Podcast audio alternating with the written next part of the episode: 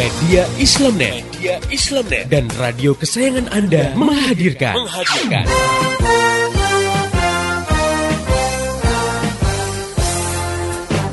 Voice of Islam. Voice of Islam. Voice of Islam.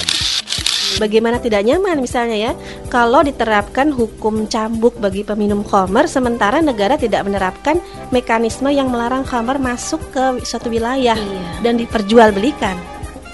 Artinya masih ada orang yang berjualan khamar dan akhirnya ada juga yang beli, akhirnya ada juga yang minum. juga. Padahal kalau minum dicambuk. Nah, Dicambuk. ini kan juga semacam dilema juga ya. Iya.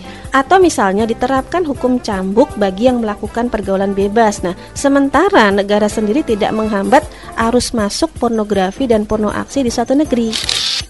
bahwa menangis itu yang dianjurkan nih di- dianjurkan itu menangis karena ingat dosa takut pada Allah.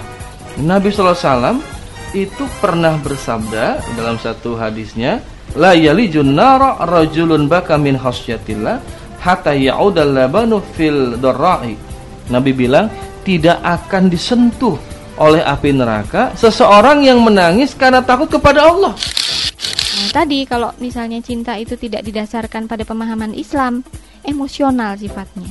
Ya kan? Iya, iya. Lagi disayang-sayang sama suami, dikasih hadiah banyak, beliin pakaian baru, Sayang. dibelanjain banyak sayang. Sayang. Nah, begitu suami di PHK, nganggur satu tahun nggak dapat kerja, ini udah mulai mengikis.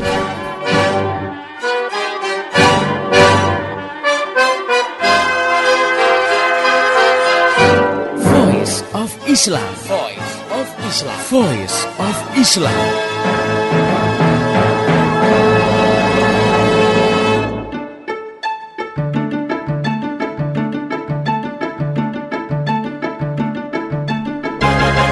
Halo Indonesia, Assalamualaikum warahmatullahi wabarakatuh Jumpa lagi dengan saya Purwa Ariandi dalam program Voice of Islam Kerja bareng Media Islamnet dengan radio kesayangan kamu Selama setengah jam ke depan Insya Allah Voice of Islam akan menemani sobat muda sekalian Dalam rubrik yang muda yang bertakwa Sebuah rubrik untuk membahas masalah anak muda yang lagi tren Di antara kamu semua Tentunya kali ini saya nggak sendiri saya juga sudah ditemani oleh Ustadz Iwan Januar. Insya Allah sekarang kita akan mencoba membahas mengenai remaja main pelet. Hmm. Wah, bukan main pelet dalam arti pelet makanan ikan, bukan. Tapi pelet dalam arti santet, ya mendekati itulah main-main ilmu perdukunan. Nah, kita sapa dulu Ustadz Iwan Januar. Assalamualaikum Ustadz. Waalaikumsalam warahmatullahi wabarakatuh. Nah Ustadz, nah, kita masih ingat banget mungkin dari zamannya zamannya kakek nenek kita, zaman orang tua kita, zaman kita dan zaman anak-anak sekarang Ustadz ya. Itu ada pepatah yang terkenal Ustadz. Cinta ditolak dukun bertindak Ustadz. Nah, kayaknya itu masih dipakai sama anak-anak sekarang Ustadz. Meskipun kadang-kadang bentuk peletnya beda. Gitu. Ada yang pakai pelet dari Mbah Dukun, tapi ada juga yang pakai pelet dari pelet Jepang Ustadz. Seperti motor dan mobil gitu Ustadz. Nah, kalau kita bisa kita lihat Ustadz, yang namanya pelet melet ini bukan hanya konsumsi orang-orang yang sudah tua, yang jenggotan, yang pakai hitam-hitam, tapi ada juga sobat muda yang ikut-ikutan Ustadz. Karena pengen mengejar eh, wanita, ingin mengejar eh, cewek yang diidam-idamkan, itu mendatangi dukun untuk meminta eh, ilmu-ilmu pelet Ustadz. Nah, sebenarnya kalau kita lihat Ustadz, secara faktual itu ilmu pelet itu sebenarnya nyata nggak sih? Benar-benar ada hasilnya nggak sih? Iya. Baik, Bismillahirrahmanirrahim. Assalamualaikum warahmatullahi wabarakatuh. Sobat muda yang bertakwa, uh, cukup menarik ya. Memang itu pepatah dari dulu, zaman saya masih anak-anak ya. Ada istilah ciledug, cinta lewat dukun. Nah, ya atau cinta ditolak, dukun bertindak begitu. Emang sampai ada pikiran, wah pokoknya kalau saya nggak jadi sama dia, gua pelet gitu kan. Gak cuma laki-laki melet perempuan, tapi juga perempuan juga memanfaatkan untuk memelet laki-laki ya. Dan orang suka bilang, oh ini ilmu sihir nih, gitu kan? Ya tidak salah, memang ya namanya pelet itu termasuk juga teluh, santet itu adalah bagian-bagian dari ilmu sihir. Dan manusia memang e, bisa saja memanfaatkan ilmu sihir untuk kepentingan mereka termasuk untuk kepentingan dalam urusan cinta. Supaya dicintai ya supaya disenangi banyak wanita atau wanita disenangi banyak pria ya. Orang juga bilang ilmu pelet itu ilmu pengasihan supaya dikasihi gitu ya. Supaya dicintai oleh orang yang dia pengen banget. Nah ini adalah fenomena yang memang ada di tengah-tengah masyarakat dan Islam juga mengakuinya. Maksud Islam mengakui itu bahwa Islam membenarkan ada memang ya upaya-upaya yang suka dipakai oleh orang untuk maksud-maksud tertentu dengan menggunakan ilmu sihir.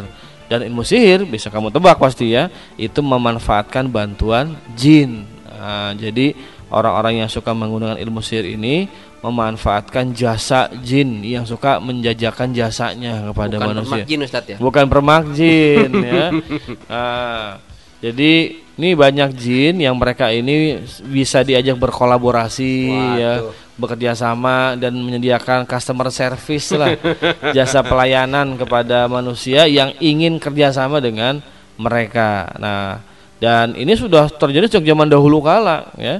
Kalau kita lihat di dalam eh, Al-Quran dalam surat Al-Baqarah dia di itu ada satu ayat yang mengisahkan kepada kita bahwa orang-orang pada masa dahulu yaitu tepatnya di masa Nabi Sulaiman alaihissalam itu sudah menggunakan ya ilmu-ilmu sihir dan mereka dalam hal ini itu menuduh Nabi Sulaiman juga memanfaatkan ilmu sihir untuk bisa menguasai angin, menguasai binatang dan juga menguasai bangsa jin. Ini bisa nanti ya sobat muda lihat dalam surat Al-Baqarah ayat 102 sampai dengan 103 begitu ya.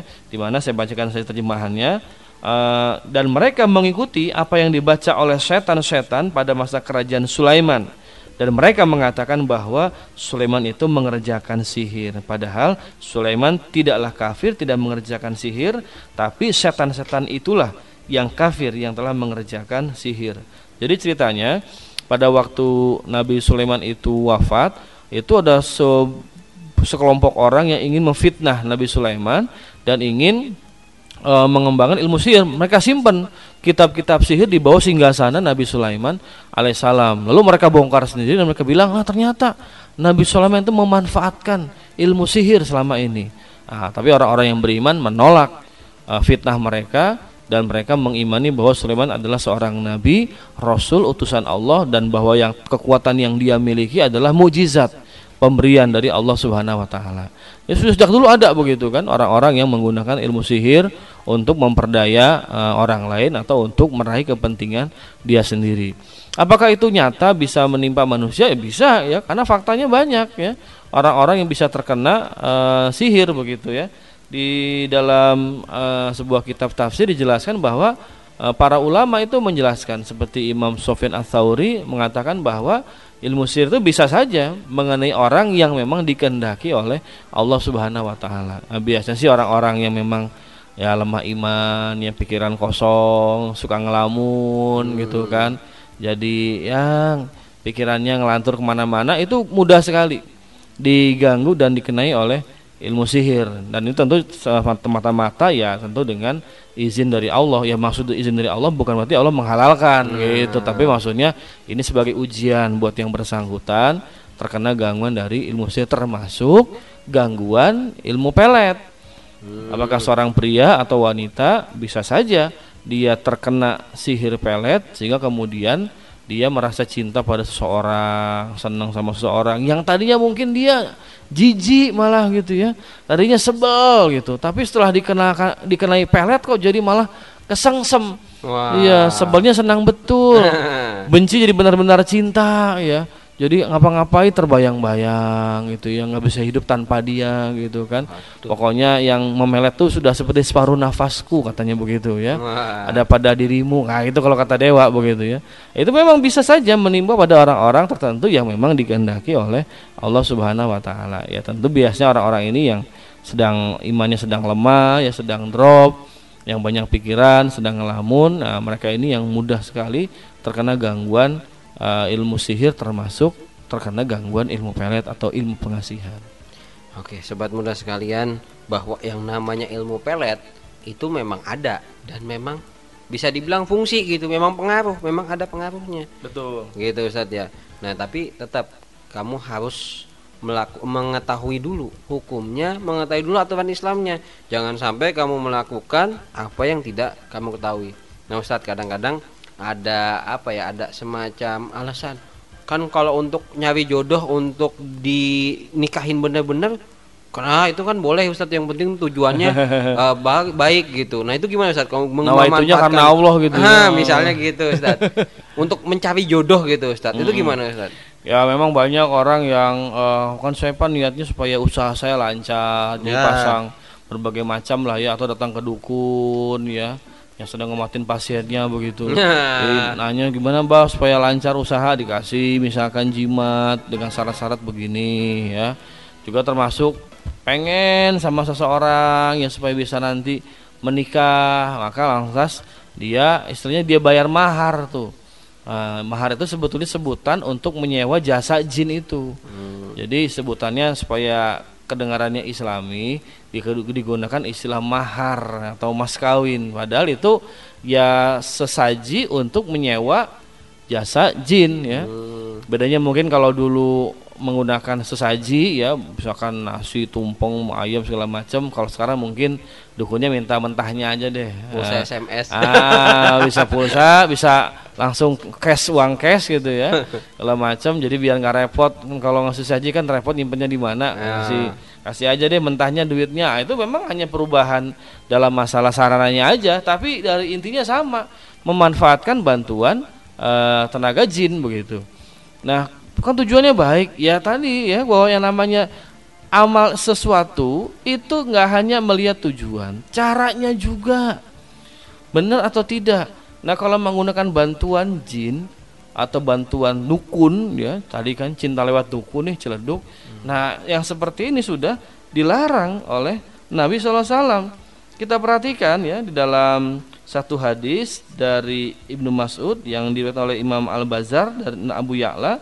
Nabi katakan man ata arrofan au sahiran au kahinan fasa'alahu fasodaqahu bima yakulu faqad kafara bima unzila ala Muhammadin SAW Nabi katakan siapa yang mendatangi tukang ramal nah, arrofan ya atau sahiran tukang sihir dukun tukang sihir itu ya atau kahinan atau tukang tenung bukan tukang tenun ya Nah. tukang tenung suka mengganggu ya jadi menggunakan ilmu teluh Santet ya. santet pelet juga begitu ya kemudian ia bertanya dan percaya terhadap apa yang dikatakannya maka sungguh dia telah kufur telah ingkar terhadap apa yang diturunkan kepada Nabi SAW nah, itu ya terus yang berikutnya juga dalam riwayat Imam Tobrani eh, dengan sanad yang terpercaya Nabi SAW mengatakan Man nafasa fi uqdatin faqad sahara wa man sahara faqad asyraka. Nabi katakan siapa yang meniup simpul. Nah, jadi memantra-mantra maksudnya bukan tiup-tiup gitu bukan. Mantra-mantra kan juga biasanya dukun kalau baca mantra ditiupkan. Iya. Ah, gitu kan. Jadi baca mantranya mantra aji biar berubah gitu ya Ah. perasaannya maka fakot saharo orang yang meniupkan simpul membaca mantra-mantra fakot saharo dia telah melakukan sihir waman saharo dan siapa yang berbuat sihir fakot asroka. Dia telah berbuat syirik. Jadi maksudnya mempersekutukan Allah subhanahu wa ta'ala. Nah ini jelas sekali bahwa walaupun tujuannya baik saya pengen menikahi dia pak. Kasihan dia pak yatim piatu udah gitu cantik dan kaya lagi. Ah. wah tujuannya matre kalau kayak gitu ya. Sekarang kayak gitu tujuannya ya. Tetap aja kalau dengan cara-cara yang tidak baik ya meng- menggunakan jasa jin bantuan tukang sihir ya hal seperti ini terlarang. Niatnya walaupun baik ya. Atau juga pengen kaya dengan cara tadi pesugihan segala macam. Ini juga dilarang oleh agama ya. Jadi nggak hanya kita melihat niat atau nawa itu, tapi juga cara yang digunakan. Dan kalau caranya menggunakan sihir dan pelet itu termasuk kategori sihir ya. Jangan salah nih para sobat muda. Oh itu kan nggak pak pakai ini pak ayat-ayat Quran, pakai baca sholawat, pakai asmaul husna. Ya itu kamuflasenya aja. Tapi dari segi niatannya ingin mengundang bantuan dari jin begitu dan juga tadi baca sholawat ayat Quran wirid zikir ditambah dengan bacaan-bacaan lain yang itu bisa mengundang datangnya jasa tenaga jin begitu Dan yang namanya jin itu ya gak diundang aja datang, walaupun pulang walaupun pulang tadi antar begitu ya. Ah. Jadi gak diundang aja dia datang, apalagi diundang itu kan niat diundang dengan membaca ayat-ayat Quran tertentu itu kan. Nah, ini pasti akan datang ya. Dan saya yakin itu ditambah-tambah dengan nanti ada istilahnya mahar atau juga ada amalan-amalan lain atau ada sesuatu ya ya. sajian-sajian yang disukai oleh si jin untuk memuluskan ya niat dia untuk ya menjatuhkan hati seorang yang dia cintai. Ah ini walaupun caranya ya niatnya benar tapi kalau caranya batil ya itu mah batil ya. Dan tadi nauzubillah sampai-sampai sangat tegas sekali ya. Nabi SAW itu menyebutkan eh, ancaman dan tingkatan dosa bagi orang-orang yang melakukan perbuatan sihir termasuk eh, pelet atau pengasihan. Nah, sobat muda sekalian, kamu sudah tahu nih, yang namanya pelet itu nggak dilihat cuman dari peletnya atau dari niatnya doangan, ya kan? Kejahatan bukan eh, ada hanya karena niat pelakunya. Nah, bukan hanya gitu. Yang namanya perbuatan baik, perbuatan yang benar dalam Islam itu paling enggak kalau saya simpulkan tadi itu harus memenuhi dua kriteria. Pertama, caranya benar, kedua tujuannya benar. Meskipun tujuannya benar tapi kalau caranya salah dengan pelet, itu tetap nggak boleh gitu Ustadz ya. Betul sekali. Nah, nih untuk sobat muda yang sudah sadar atau yang baru mau melakukan, udah buru-buru deh, tobat deh. Yang kamu yang belum pernah terbayang, jangan terbayang untuk melakukan. Oh, gitu. nauzubillah ya. Nauzubillah gitu. Nah, Ustadz nih, kadang-kadang ada dari sobat muda yang pernah melakukan, baik yang baru kemarin atau yang sudah lama melakukan. Ini bingung, kalau saya udah pernah melakukan pelet gimana ya? Padahal tadi Allah udah tegas-tegas banget gitu. Nah, nanti sebelum dijawab, kita ikuti dulu selingan berikut ini. Tetap setia di Voice of Islam. Buka mataku, buka hatiku Allah terangilah hidupku dengan sinarmu. Aku meraba tak berdaya Tanpa rahmatmu. Aku hilang Beribu dosa telah terjadi Mewarnai langkahku Hitam diri, hitamlah hari yang lalu. Bila tanpa cahayamu Gelap seluruh hidupku. Tak berdaya, tak berarti sia-sia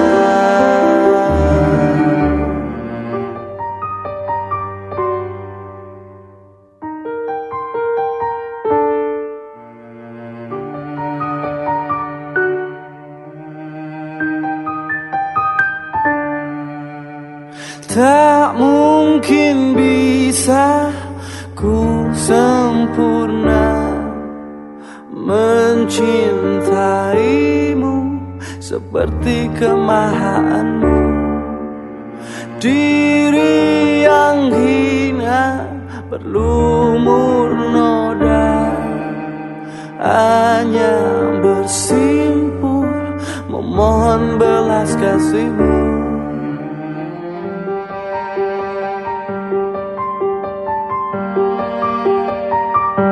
Beribu dosa telah terjadi Mewarnai langkahku. Hitam diri, hitamlah hari yang lalu. Bila tanpa cahayamu Gelap seluruh hidupku. Tak berdaya, tak berarti sia-sia. Beribu dosa telah terjadi Mewarnai langkahku. Hitam diri, hitamlah hari yang lalu. Bila tanpa cahayamu Gelap seluruh hidupku. Tak berdaya, tak berarti sia-sia. Beribu dosa telah terjadi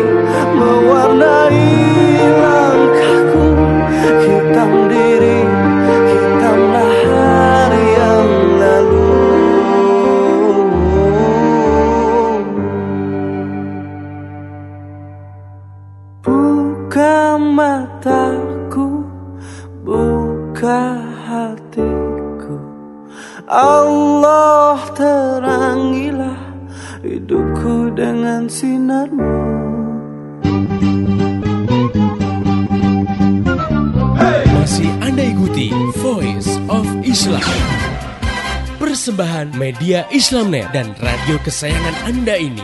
Voice of Islam. Voice of Islam. Voice of Islam.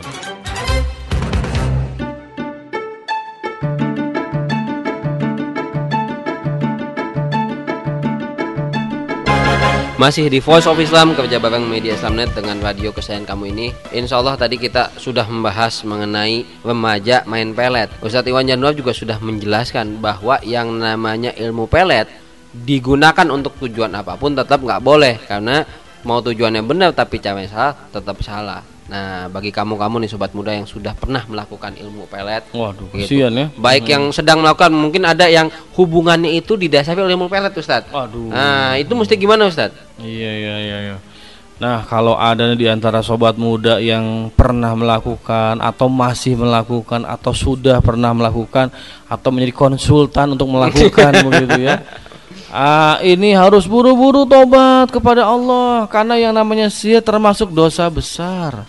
Nabi SAW juga katakan istanibu as-sab'al al-mubiqat. Jauhilah tujuh perkara yang merusak iman. Apa? Pertama asyirku billah. Pertama jelas mempersekutukan Allah. Yang kedua as-sihru, yaitu perbuatan atau aktivitas sihir. Mau santet, teluh, termasuk juga pelet atau pengasihan. Jelas ini termasuk dalam perkara yang merusak iman, bahkan bisa menghancurkan keimanan. Dan Nabi dengan tegas katakan itu jatuh pada perbuatan syirik, sudah mempersekutukan Allah Subhanahu wa taala. Walaupun menggunakan ayat-ayat Quran, hadis-hadis Nabi, sholawat segala macam, tapi dari segi niatan dan cara-cara yang digunakan sama sekali tertolak dalam pandangan Islam.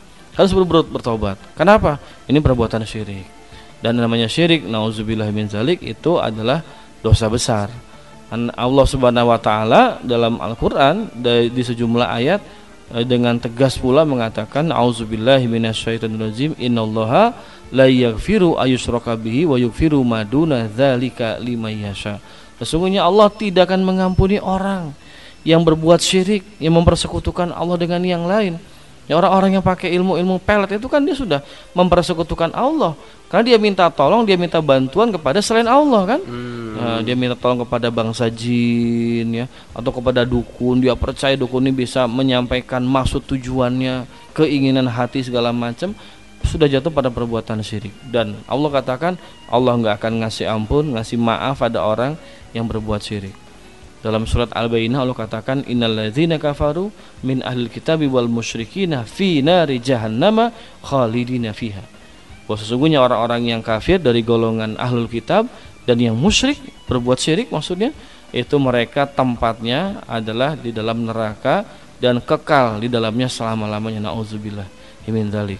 Maka ini kalau yang sudah pernah, yang sedang atau masih menjadi konsultan begitu, uh, atau sedang menikmati hasil peletannya, nah, itu kan, sedang masa-masa indah bersama dengan korban yang dipeletnya begitu, buru-buru tobat, karena ini termasuk dalam dosa besar.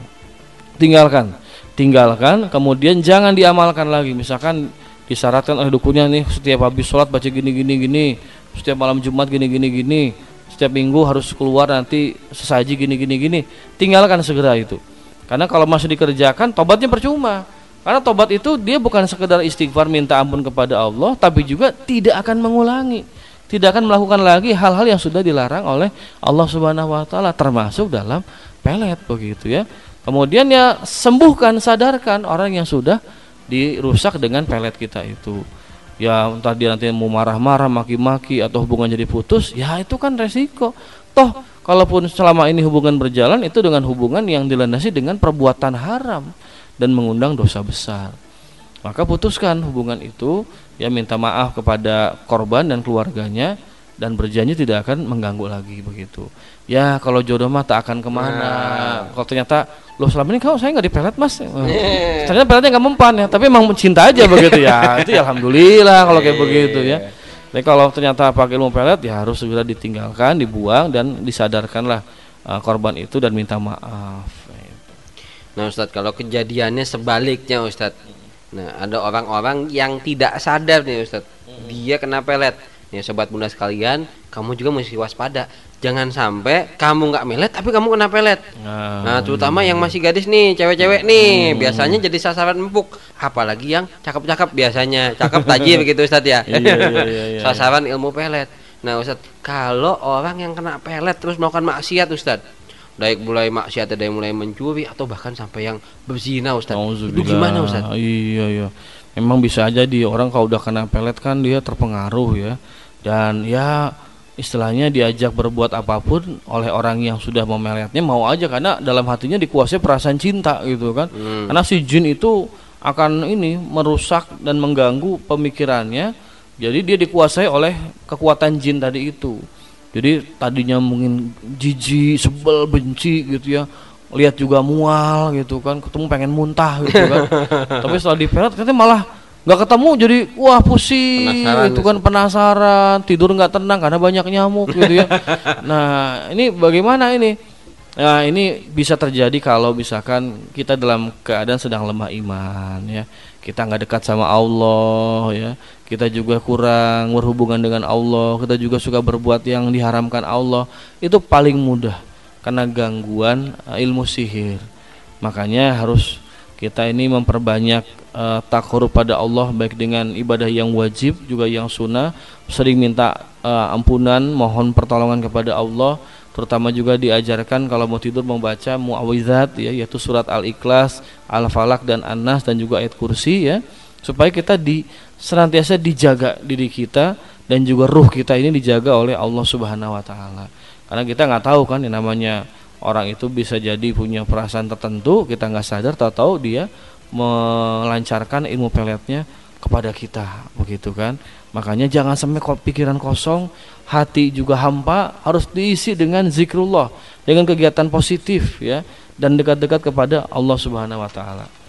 Itu. Nah, kalau kemudian ternyata kena dan sampai melakukan hal-hal yang eh, terlarang ya sampai misalkan baik itu mendekati zina ataupun berbuat zina karena dipelet begitu, lalu kemudian sadar, ah, dalam keadaan tidak sadar itu orang diampuni oleh Allah Subhanahu wa taala ya. Karena orang yang terpelet itu kan seperti orang yang gila sebetulnya. Dalam keadaan tidak sadar ya. Nabi SAW itu mengatakan Rufi al qalam an salasin bahwa hisab Allah diangkat dari tiga golongan. Itu dari anak kecil sampai dia dewasa, dari orang yang tidur sampai dia bangun dan anil majnun dari orang gila sampai dia sehat kembali akal pikirannya. Nah, orang yang diguna-guna yang dipelet itu bisa dalam keadaan sedang tidak sadar karena pikirnya dikuasai oleh bangsa jin ya. Sama seperti kita suka nonton ya peragaan makan beli gitu kan juga minum air keras dibacok kebal itu dalam keadaan trans ya kesurupan begitu ini pun sama orang-orang yang kena pelet itu orang-orang yang sedang dia terganggu pikirannya. Jadi yang dia dia mengerjakan sebetulnya bukan keinginan dia tapi keinginan dari jin itu yang menguasai uh, pikirannya. Nah, kalau sampai terjadi hal yang ya diharamkan Allah ya maka ya Allah akan mengampuni karena itu di luar kemampuan mengendalikan diri dan pikiran ya. Tapi kalau kita sudah sadar maka kita juga harus segera kembali kepada Allah banyak minta tolong ya minta bantuan kepada Allah ya dan juga panggillah kira-kira ya ustadz atau ulama yang bisa memberikan bantuan untuk merukyah atau memberikan ya doa-doa supaya kita ini terjaga dari ilmu-ilmu sihir dan banyak intinya banyak dekat kepada Allah Subhanahu wa taala. Oke sobat muda sekalian, kamu sudah mendengarkan penjelasan dari Ustadz Iwan Januar panjang lebar bahwa yang namanya ilmu pelet itu udah jangankan kamu lakukan, mikirin aja punya niatnya nggak usah deh, gitu. Jangan ya.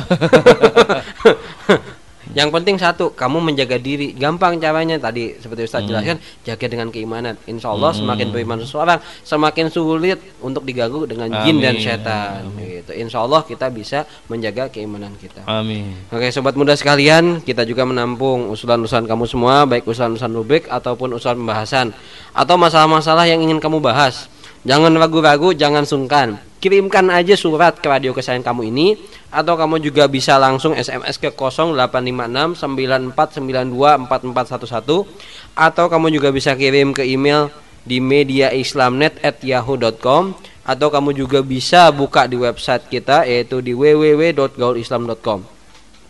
Saya Purwa Ariandi dan seluruh kabat kerja yang bertugas mengucapkan terima kasih pada Ustadz Iwan Januar. Sama-sama. Terima kasih juga pada kamu semua yang setia mendengarkan acara ini. Pesan dari kami sampaikan apa yang kamu dengar ke teman-teman kamu semua. Insya Allah itu akan menjadi pahala bagi kamu. Dan besok insya Allah of Islam akan hadir kembali tetap di waktu yang sama dan gelombang yang sama. Mari menimbang masalah dengan syariah. Wassalamualaikum warahmatullahi wabarakatuh. Info teknologi, info teknologi, info teknologi. Berikut info teknologi dari konsultan komputer Purwa Purwa Ariandi. Info teknologi, info teknologi. Sobat kuda sekalian, yang namanya virus tidak hanya bisa mengidap kepada kamu-kamu. Bukan hanya orang yang kena virus, pada komputer pun ada yang disebut virus. Tentu virus pada komputer akan memberikan efek yang sama seperti virus pada manusia. Kamu bisa jadi nggak enak badan, bisa jadi lemes, bisa jadi letoy dan lain sebagainya. Tentu komputer kamu kalau kena virus juga sama, pasti akan jadi lambat, jadi lemot, jadi nggak responsif lah. Nah, ada beberapa hal yang bisa kamu lakukan untuk melindungi komputer kamu dari sebuah virus. Yang pertama, kenali pola penyebaran virus. Umumnya sih virus nyebar lewat flash disk atau CD. Nah, yang pasti ketika ada file yang kamu masukkan komputer kamu, perhatikan. Pokoknya kalau ada yang dimasukkan kena virus, langsung komputer kamu pasti terinfeksi virus. Selanjutnya ialah curigai file-file yang nggak kamu kenal. Pokoknya kalau ada di CD atau ada di flash disk kamu yang ingin kamu masukkan dalam komputer kamu ada file yang tidak kamu kenal dan benar-benar kamu nggak tahu, hapus deh segera. Siapa tahu itu virus. Insya Allah itu bisa menjaga komputer kamu minimal pertama itu. Yang ketiga ialah hati-hati menggunakan flash disk sembarang tempat. Flash disk itu sama seperti kayak jarum suntik narkoba. Sekali ketularan, sekali kena yang terinfeksi, maka flash disk kamu juga akan langsung kena. Tentu yang terakhir ialah pasang antivirus. Antivirus setidaknya memberikan kamu perlindungan sama seperti orang kalau sudah divaksinasi. Nah, tentu tidak hanya sekedar memasang antivirus saja, kamu juga harus rajin mengupdate-nya. Kenapa harus diupdate? Karena memang perkembangan virus itu pasti sejalan. Ketika antivirus kamu itu tidak lagi mengenai virus, tentu virusnya tidak akan bisa dihapus. Makanya pasang antivirus update insya Allah menjadi aman. Info teknologi, info teknologi, info teknologi. Demikian tadi Voice of Islam. Voice of Islam. Semoga hikmah yang terkandung bermanfaat untuk kita semua. Amin, amin, amin. Ya Robbal Alamin. Kembali bisa Anda dengarkan Voice of Islam. Voice of Islam menghadirkan topik-topik seputar kehidupan kita esok hari di waktu dan gelombang yang sama.